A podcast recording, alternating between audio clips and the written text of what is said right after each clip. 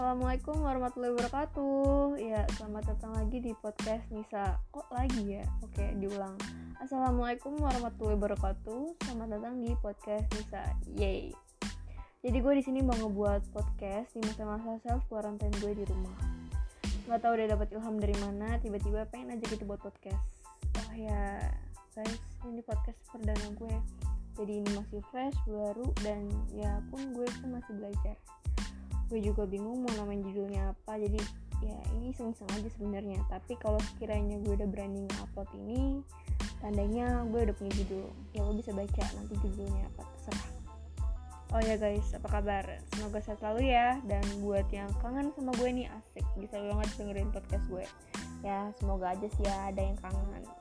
Bercanda sayang. Jadi di podcast perdana ini gue mau ngadain sesi perkenalan biar makin sayang dan cinta sama gue.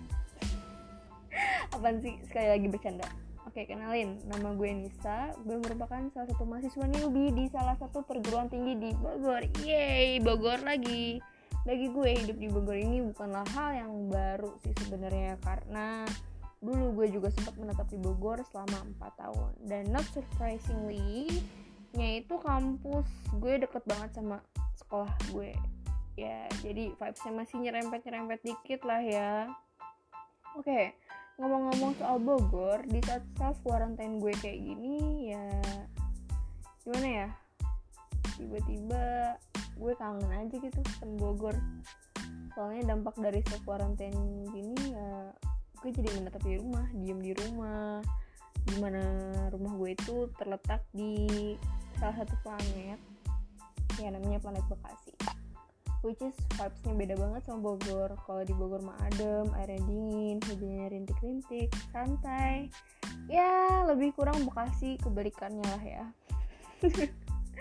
Tiba-tiba ngomongin alur-ngalur ngidul kayak gini jadi kangen kosan deh. Kangen wifi nya kangen hawa dinginnya kangen temen-temennya kangen kampus kangen dosen muda eh bagi gue Bogor adalah tempat di mana gue bisa belajar menjadi seseorang yang benar-benar mengenal seperti apa sih diri gue itu. Dan kita flashback deh ke 2015 di saat anak-anak umur 15 tahun lainnya ngerasain yang namanya tinggal sama orang tua disiapin ini itu sedangkan gue udah mulai nge-survive yang namanya hidup. Dimulai dari cari makan sendiri masih ngantuk terus ngantri kamar mandi, beberes kamar, cuci pakaian, dan yang paling penting dan paling ribet itu adalah ngurus atau nge-manage keuangan sih. Dan di situ gue bakal ngerasa keren banget kalau sekiranya dengan dikasih uang segitu, gue bisa cukup untuk menghidupi kehidupan gue selama sebulan. Tapi gue merasa gagal banget apabila uh, uangnya kurang maksudnya dikasih uang segitu gue malah boros dan jadinya nggak ada sisa gitu. Dan di situ pun gue mulai yang namanya jadi jualan deh supaya gue bisa dapat uang lebih di akhir bulan. Terus banyak banget nih yang nanya kenapa sih kayak milih sekolah tuh jauh-jauh? Terus kayak kok gitu sih sekolahnya? Kok 4 tahun? Jauh banget. Buat apa jauh-jauh nempuh pendidikan uang nantinya juga ngurusin dapur? Hmm, gimana ya bagi gue di sekolah di Semakbo itu adalah hal yang unpredictable banget di mana jadwalnya padat, laporannya banyak, nggak ada buku siang, hafalannya luar biasa, prakteknya yang seabrek, udah mah ditekan di sekolah, ditekan pula di kosan dengan survive hidup yang sempat tadi gue jabarin. Belum lagi pulang sekolah itu jam 4 atau 5an lah ya, tergantung gimana keputusan di sananya, di real time-nya kayak kalau ada praktek ya mungkin bakalan praktek yang lama ngaret mungkin bisa pulang jam 5 jam 6 tapi kalau sekira teori kalau ada jam tambahan bisa jam ya suka-suka gurunya yang penting sebelum maghrib. Dan masih masih lulus lulusuhnya dengan putih krem gue berangkat lagi ke kosan teman buat ngerjain tugas. Tiba-tiba udah jam 10 malam aja pas kaget-kaget wow udah jam 10 malam saatnya balik ke kosan. Ya tidur dan kembali lagi ke rutinitas di mana gue bangun jam 6 buat ya sekolah lagi. Ini sih hektik banget gila sumpah.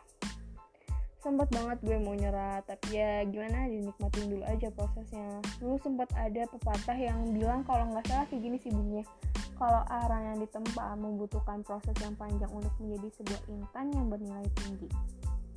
Ya itu bener banget gue setuju dan yang paling mengesankan bagi gue adalah ya itu gue nggak pernah nyesel buat ngikutin namanya proses.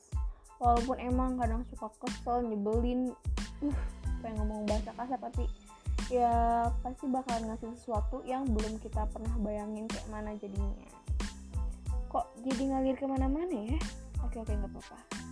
Jadi intinya di sesi selanjutnya gue pengen ngebahas ya ya sesuai mood gue aja sih kalau gue mau sharing yang basicnya knowledge ya gue sharing. Kalau gue pengen curhat-curhat yang basicnya tentang kehidupan ya gue sharing. Intinya tema apa pun itu yang mau gue buat ya yang gue mau. Podcast podcast gue ya kumaha gue. Eh bercanda lagi guys. Sorry punten. Jadi oke okay deh ya gue ngerasa cukup di perkenalan kali ini ya. Karena sejujurnya gue juga udah mulai mager maklum gue Aries. Jadi moody parah kayak gini. So kalau ada yang mau kenal gue lebih dalam sok mangga bisa di follow tah ya di Instagram. At finding Nisa. Bukan finding Nemo atau finding Duri. Finding Nisa. Ya. Kalau yang mau minta fallback sok mangga bilang. Dibilang fallback woi gitu. Dah dah. Makin gak jelas ini mah. Dah dah dah dah, dah, dah. Udah dulu ya guys, semoga hari-harinya menyenangkan dan jangan lupa klik ikuti supaya bisa dengar podcast yang semoga jelas dari hidupku yang sebenarnya agak ngeblur ini. Hmm, bercanda sayang. See you guys. Hmm.